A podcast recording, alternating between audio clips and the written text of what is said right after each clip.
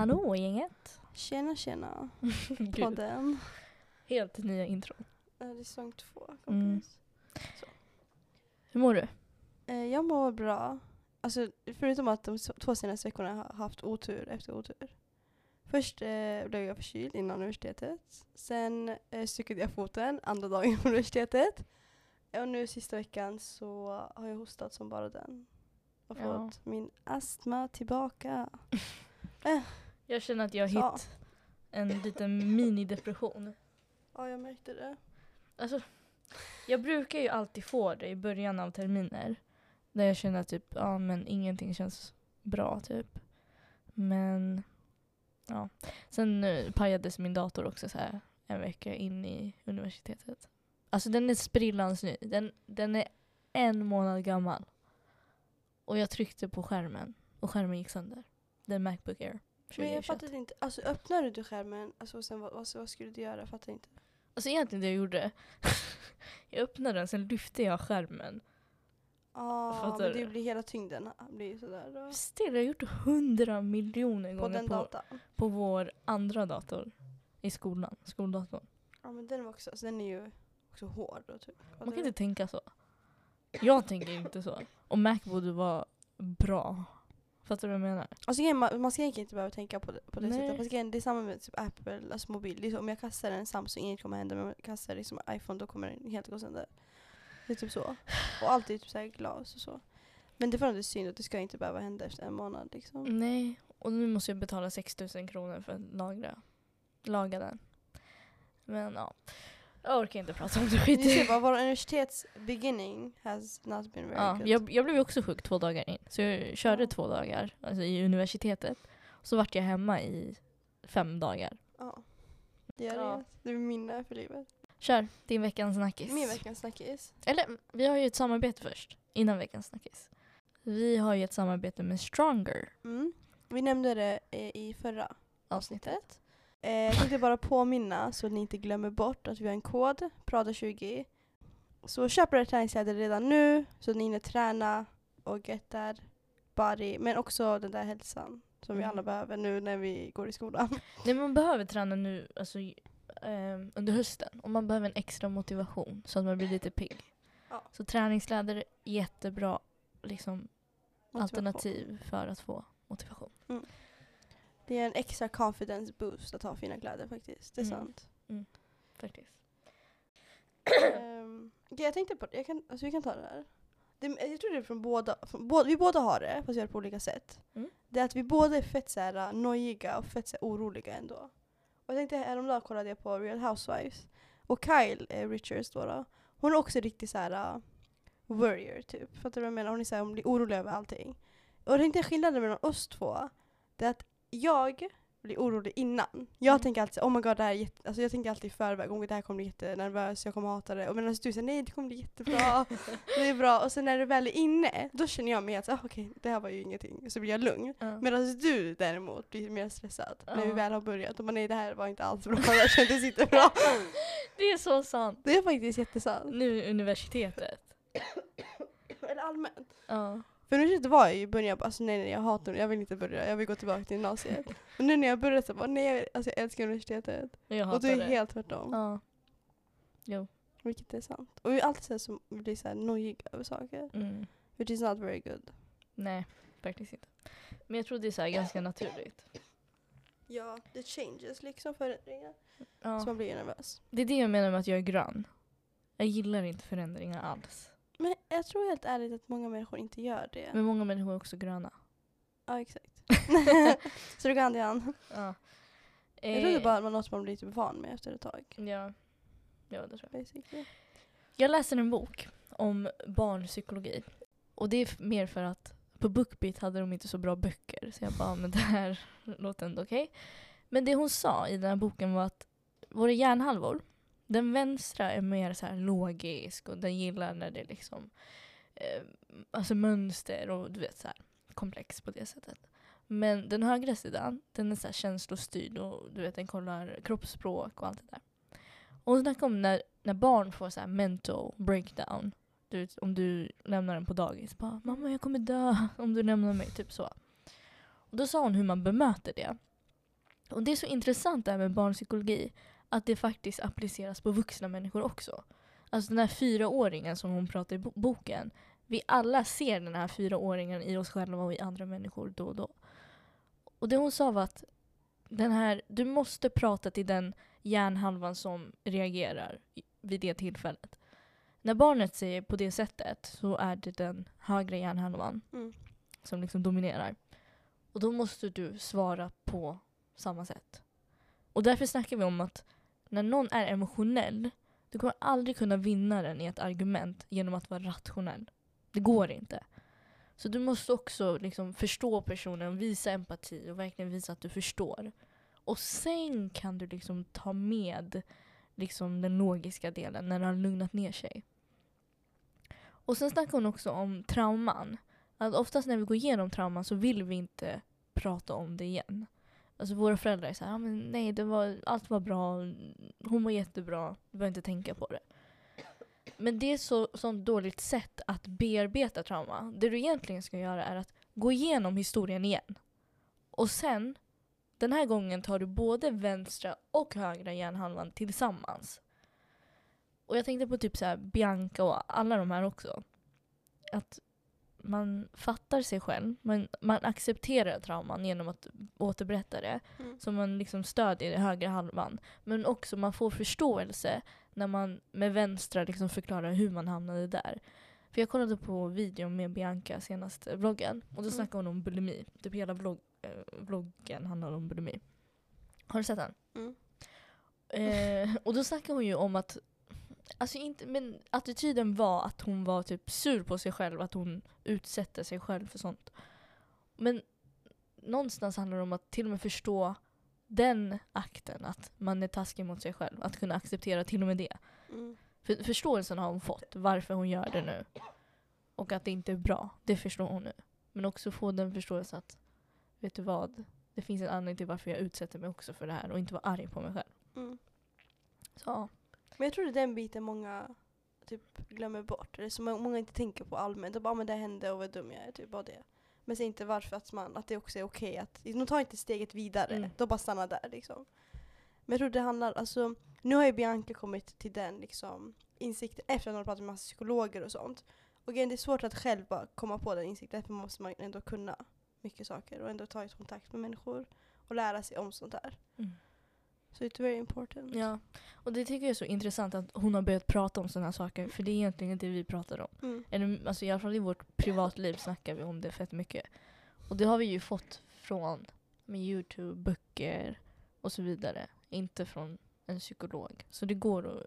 Hon pratar ju Ja. om psykolog jättemycket. Mm. Men det går att få från andra håll också. Ja exakt. Så, så länge man liksom har mycket, så länge man försöker få en annan typ av kunskap när det gäller sådana saker så kommer man ju nå det någon gång. Ja.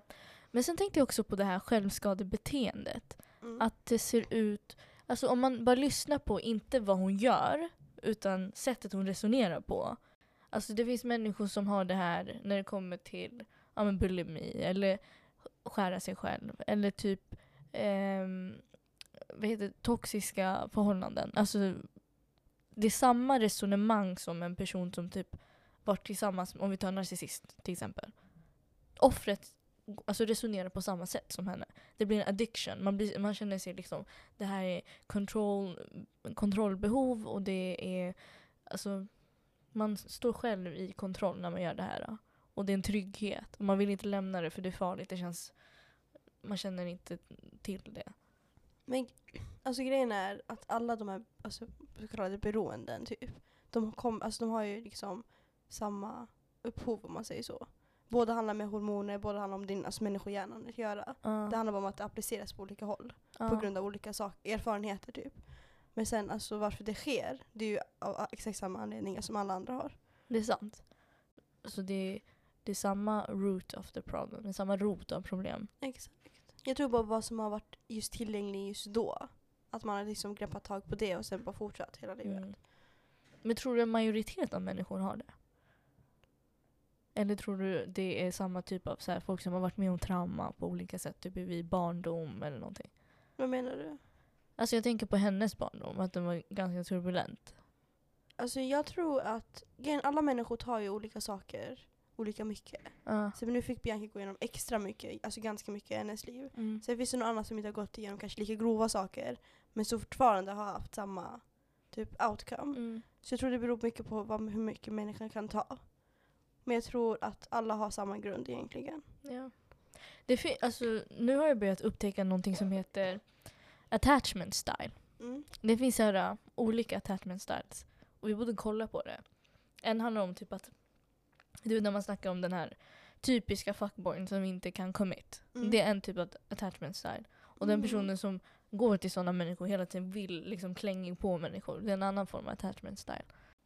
Alltså nu, eller de här, oj, nu under de här veckorna har vi ju ändå lärt känna nya människor.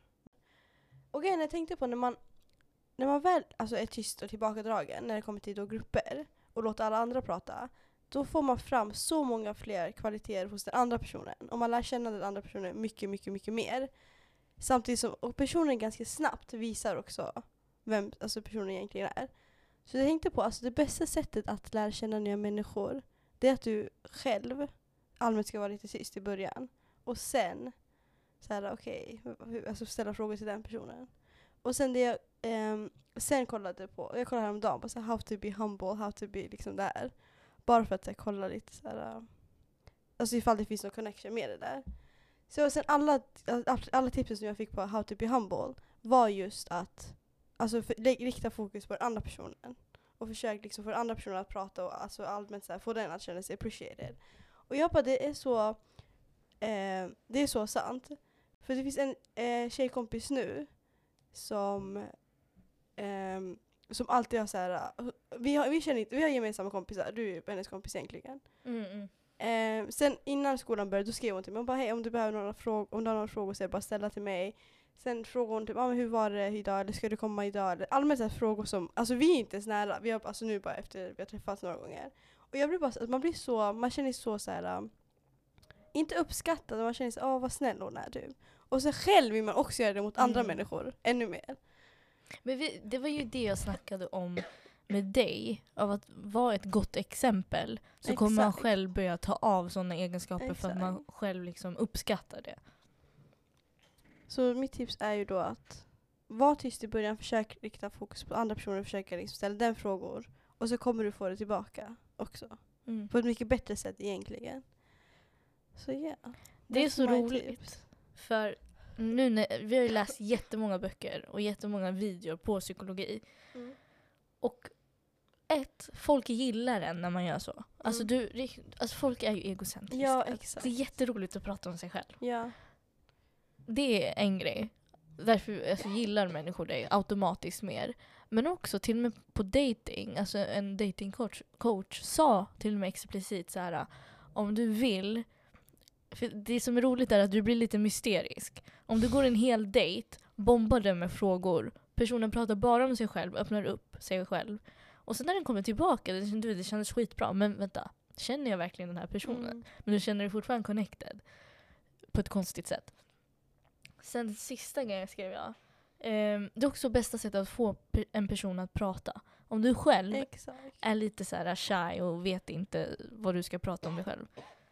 Då kan du, alltså så här, ibland man vill, automatiskt vill man fylla i de här luckorna där man ska prata. Men om du bara är tyst lite längre så kommer personen försöka fylla i den luckan. Mm. Och sen kommer den börja babbla. Så ja, Be quiet. Nej, ska- be quiet. I början i alla fall och sen bara så låter den andra personen ta liksom, Mm. kontroll. Jo. Så att säga. Vad heter Hookup culture. Culture. Mm. culture. Ehm, jag fick en TikTok på min For you-page. Alltså allt handlar om min TikTok. Nej men hon, den här tjejen, snackade om så här, det jag har lärt mig med hookup culture. Och sen la hon upp, du vet man kan ju så här visa bilder på TikTok. Mm. Så hon la, som bakgrundsbild la hon en bild på sig själv. Hon bara, skulle du låta den här lilla flickan vara i en dynamik där hon bara är värd en, ett samtal på en vecka? Eller så här, hon är, hon, är värd, hon är inte ens värd en relation. Alltså du skulle aldrig låtit den flickan gå igenom sådana saker. Mm. Eller din kompis eller någon annan.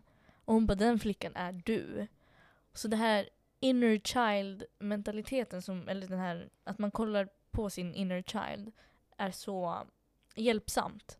Och det snackar ju Bianca också om. Mm. Men att hennes psykolog sa, lilla Bianca. Och det har vi också snackat om innan. Att vi har ju en bild på våra anteckningar. Där vi, eller jag har en bild på min anteckning där jag har mig själv som bebis eller barn. Typ femåring. Och så har jag skrivit typ en text. Som är kopplad till det och så här självkänsla. Men eh, nästa vecka så ska vi faktiskt snacka om ett avsnitt om våra bästa habits. Som faktiskt har varit, varit liksom life changing. Mm. Eh, sen snackade en person om att du har tre personer, eller han sa två personer att göra stolt. Alltså skit i alla andra, de här tre personerna som är viktiga att försöka liksom, tillfredsställa. Och det för, den första är 80, alltså den 80-åringen åringen i dig. När du är 80, gå tillbaka och kolla tillbaka till ditt liv. Jag är stolt. Och den andra är 8-åringen i dig. Och det var så, så här, bra sagt. Och sen, jag la till, och gud, Mm. på det. Tre Ja, personer. Det- Du vet, det är så här, the golden number. Mm. Tre stycken. Två låter liksom konstigt. Mm. Eh, och jag tycker det är faktiskt ett motto man borde leva efter. Alltså, det känns, alltså det känns som att det blir typ en, alltså en sorts balans. När man komplett. har alla dessa. Ja. Exakt. Det är såhär den där lite mer typ logiska, samma den lilla, lilla emotionella. Sen Ja. har man där som är båda två. Exakt. Eh, Eller som knyter an dem typ. mm. Så. Alltså barnet i dig och sen så här, den rationella i, den, Mm. i dig. Jag lyssnade tillbaka på vårt avsnitt med eh, Alper och dem. Mm. Det här, vad var det? Vi ställer brutalt ärliga frågor. Eller så här, ja. De här tre killarna som kom till oss. Ja. Till vår podd i alla fall. Alltså det avsnittet, ett, det är så roligt. Alltså, Ja, när alltså jag, det är verkligen inte, det är typ det roligaste det är avsnittet. det roligaste Ja. avsnittet. När jag lyssnar på det då skrattar jag högt. Men det som var så roligt var att Alper, vi snackade om det, hans, eller mm, de här killarnas, killarnas mest eh, djupaste turn-offs. Mm. Och då svarade han eh, respektlös. Alltså det var verkligen så här, om hon inte respekterar det jag gör. Alltså det var verkligen där uppe. Det var det första han sa. Och då tänkte jag på, på ehm, den här boken, Reclaim your heart. En av Mm. böckerna som vi alltid rekommenderar människor att läsa. I den boken snackar hon om skillnaden mellan mannen och kvinnan och deras roll. Hon snackar om att kvinnor vill ha kärlek och män vill ha respekt. Och hela vår alltså religion är utformad så att det sker. Alltså om man kollar på typ islam, då de största besluten, sista ordet har mannen. Och det är någon form av liksom respekt, att man respekterar hans åsikt eller någonting. Men sen kvinnan får kärlek på andra sätt. Alltså av mannen. Alltså den är designad på det sättet. Man måste typ kolla djupare in i det, men då ser man. Mm. Men sen om vi kollar på Why Men Love Bitches, där snackar han också om det här med eh, respekt, att män gillar det. Att deras åsikt är respekterad. Eh, och då snackade han, hon la, in, hon la ett quote av Albert Einstein. Och han sa att så här, det man kommer... Alltså det- han sa typ att mannen ska göra de stora besluten och kvinnorna de små. Och det man märker är att kvinnan, de små besluten är mycket fler än vad de större, alltså de större sker typ aldrig. Och jag bara, det är så, så, så sant, att man verkligen så här. Båda tror att de är in control of each other, men Mm. ingen egentligen, alltså är egentligen det. Nej. Det är liksom ett samarbete. jag hittade quotet och det var mycket bättre än Okej. det jag sa. Eh, det är Albert Einstein då. Alltså tänk att han hade här quotes. I didn't know. When we first got married, we made a pact. It was this. In our life together, it was decided it would make I would make all of the big decisions and my wife would make all of the little little decisions. For 50 years, we had held true to that agreement. I believe that it I believe that it I believe that is the reason for the success in our marriage. However, the strange thing is that in 50 year years there hasn't been one big decision. det, jag tror att det är lite så det egentligen är. Ja, jag tror också det. Alltså jag tror, jag, jag kollar på, vad heter det? Eh, Peaky Blinders nu. Det är fan bra, nu måste man kolla på det. Alltså, de, man måste verkligen fatta vad det är som händer, annars det går inte. I alla fall. Sen där, alltså nu är det, alltså huvudkaraktären är ändå, ändå en alfa-ish. Eh, vissa, vissa kvaliteter som jag skulle definiera som. Och han och deras egna Picky Blinders-gäng, där får ändå kvinnorna vara med och bestämma lite. Men sen märker man att de ändå gör, de gör typ ändå huvudjobbet på något sätt. Mm. Fattar du? Fast de gör ändå inte det. Fast de är ändå det, alltså de är grunden som inte får den alltså, Uppmärksamhet. som de faktiskt förtjänar. Typ så. Mm. Fast många gånger har de, liksom det är en, alltså typ moster eller även mamma eller någonting, som håller koll på alla pengar och hon som låser alltså alla så här äh, safes Mm. och alla de här. Och ingen har typ koderna. Så Jo. så här, ingen lägger den uppmärksamheten, eller kollar egentligen att det är faktiskt de här kvinnorna som har gjort allt det här, okej? Mm. Typ så. Det blir lite, det blir som det här lilla barnet som skriker och vill ha attention. Man bara ja, ja, du är de stora grejerna. Fattar du? Lite så. Exakt. Fast egentligen man, alltså det är samma som när man väljer, ja men barnet vill inte ha på sig den här jackan, okej vill du ha röda eller blå jackan? Ja, Jag vill ha den blåa. Du, du tog på den jackan till slut men då, jag, ändå, du Det fick välja som- färgen typ. Men egentligen hela dating funkar ju så. Du vet, Matthew Hussey snackade om att, eller det var människor som klagade, ah, men så här, i dagens samhälle, va? i dagens samhälle så tar killen aldrig första steget. Vart Mm. hittar vi de här gentlemannen? Och han bara, det ni inte förstår är att på 1800-talet, alltså kvinnan tog egentligen första steget fast hon gjorde det på ett sätt så att det såg ut som att mannen tog det första, eller som att han trodde att han tog första steget. Mm. Så säg att du tycker om en man, eh, en kille, du spanar in honom. Spara. Och det du gör är att, säg att du har en nyckel. Mm. Det går. Och så medvetet så tappar du nyckeln. För att han ska ta upp den. Och sen så initieras en konversation. Mm. Och han bara idag, hur det skulle kunna se ut är att och du på en bar, du ser den här personen, kanske ler eller någonting. Sen går du fram och så säger du, skulle du kunna hålla den här jackan? Går in i toan, kommer ut, förhoppningsvis så startar en, en konversation. Förhoppningsvis. Och det är lite så här det man måste göra. Och Sanningen, det är det man måste göra. Alltså jag tror inte, alltså, du kan, alltså, såklart om, inte, om du står där i ett hörn och bara ler så här, då kommer inte personen bara ah, okej, typ. Fattar du? Det är så här, alltså, du måste inte göra någonting. Alltså man måste skapa så lite friktion som möjligt för att det ska ske. När det kommer till vilken handling som helst. Atomic Habits, boken.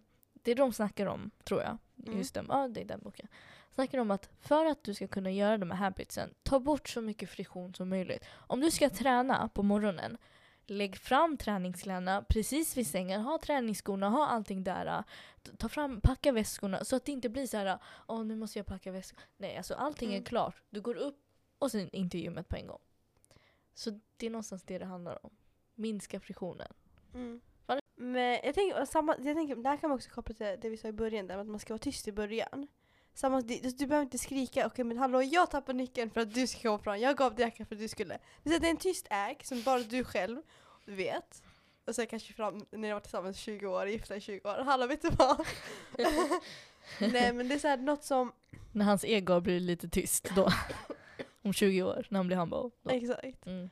Nej men du får inte, visst du får inte den här, uh, oh my god, alltså så här, uh, den uppmärksamheten till det du gjorde. Mm. Fast någonstans får du the big old, alltså du får något större utifrån det Exakt. egentligen. Bara i och med att du inte säger någonting. typ. Och det fattar inte människor. Ehm, och sen om vi ska hoppa tillbaka lite till så här, äh, självhat och sånt. Jag har lyssnat på Jordan Peterson och Mm. då har han en så här, talk där han pratar om Ibland så behandlar vi andra människor bättre än vad vi behandlar oss själva. Mm. Eller vår hund eller whatever. Typ när läkaren skriver ut medicin så är det mer sannol- alltså större sannolikhet att vi skri- skriver ut medicinen till vår hund eller vår kompis än oss själva. Men det han sa var verkligen så här. Det här är ju anledningen till varför vi har alltså self-hate. Och det påvisar vår teori ännu mer. För det han sa var att vi kan hata en person för att personen har gjort X, Y, Z. Ett fåtal saker. Vi hatar personen på grund av de här sakerna. Men vi måste leva med oss själva vetandes om allt vi har gjort, både gott och ont, och leva med alla de här sakerna. Alltså en person som du hatar, du vet ju inte du vet ju inte allt den personen har gjort. Du måste leva med dig själv med allt dåligt skit som du har gjort. Mm. Och då kommer vi igen tillbaka till att ju fler goda handlingar du gör, desto mer älskvärd blir du. Och det är både i Guds ögon men också i våra egna ögon. Det blir en refle- reflektion. Om vi kollar vem går in till paradiset? Ja, alltså nu kollar jag ska säga kort sagt, men folk som gör good deeds. Mm. Det man tänker är så här, varför ska man älska en person som mig som gör sådana här saker? Och så snackar man om att okej, men då måste du veta hur ska du behandla dig själv. Mm. Och hur ska du, alltså det, det blir, och hur ska du behandla andra människor? Och vissa säger ju så här, treat people, people. alltså behandla andra som du själv vill bli behandlad. Och då är frågan, hur vill jag behandla mig själv? Om man vill någonstans behandla sig själv som, återigen, det här lilla barnet. Mm. Och då vill du inte att, där, du vill ju inte att lilla barnet bara får liksom, livet bli en dans på rosor. Utan du vill ju utmana det här barnet. Du vill ju liksom säga sanningen till barnet och få den att växa och förstå saker. Och jag tror det måste man göra på sig själv. Se, alltså verkligen ta fram det här lilla barnet igen. Och challenge. Och målsätta och utmana. Och allt det där. Mm. Alltså du verkar se det här lilla barnet som något du, som något du ska typ ta hand om. Mm. Typ som ett litet Typ som ett litet ägg som du måste, som du måste ta med dig överallt utan att ta sönder. Ja. Typ så. Men tänka på att det är barnet istället. Mm. Och tänk att det här barnet är faktiskt du. Mm. Exakt. Och att ni är samma person. Bara att just, just då och just nu har ni helt olika förutsättningar typ. Jag älskar hur allting bara går liksom samman. Ja faktiskt. Men nu måste jag dra. Mm. Ska gå på en middag. Se hur det blir. Och äta grönsaker. Vilket jag hatar. Men, nej, vi får se vad det är för mat så får jag. Hoppas det blir gott i alla fall. Ja, vad ska du göra? Eh, vi ska gå till, jag har sista nollningdagen. Vi ska gå till Rådis. Och tydligen ska jag göra någon spex. Men jag kommer verkligen inte uppträda. Då ses vi nästa Och hörni, glöm inte vår rabattkod hos Stronger Prada 20. Det står också i vår beskrivning. Mm. Så gå och köp en fina träningskläder hörni. Ja. Okej tjejer. Vi har också ett till samarbete och det är med Nessies naglar. Och ska kolla på mina naglar. Ja jag vet, jag märkte idag att de har fan hållit väldigt bra. Alltså de har hållit så bra. Och det har precis gått en månad. Jag gjorde dem nionde, eh, en månad en dag. 9 augusti, det är den 10 september nu. du, har inte, alltså- du har knappt fått någon utväxt. Ingen utväxt. De håller som liksom sten.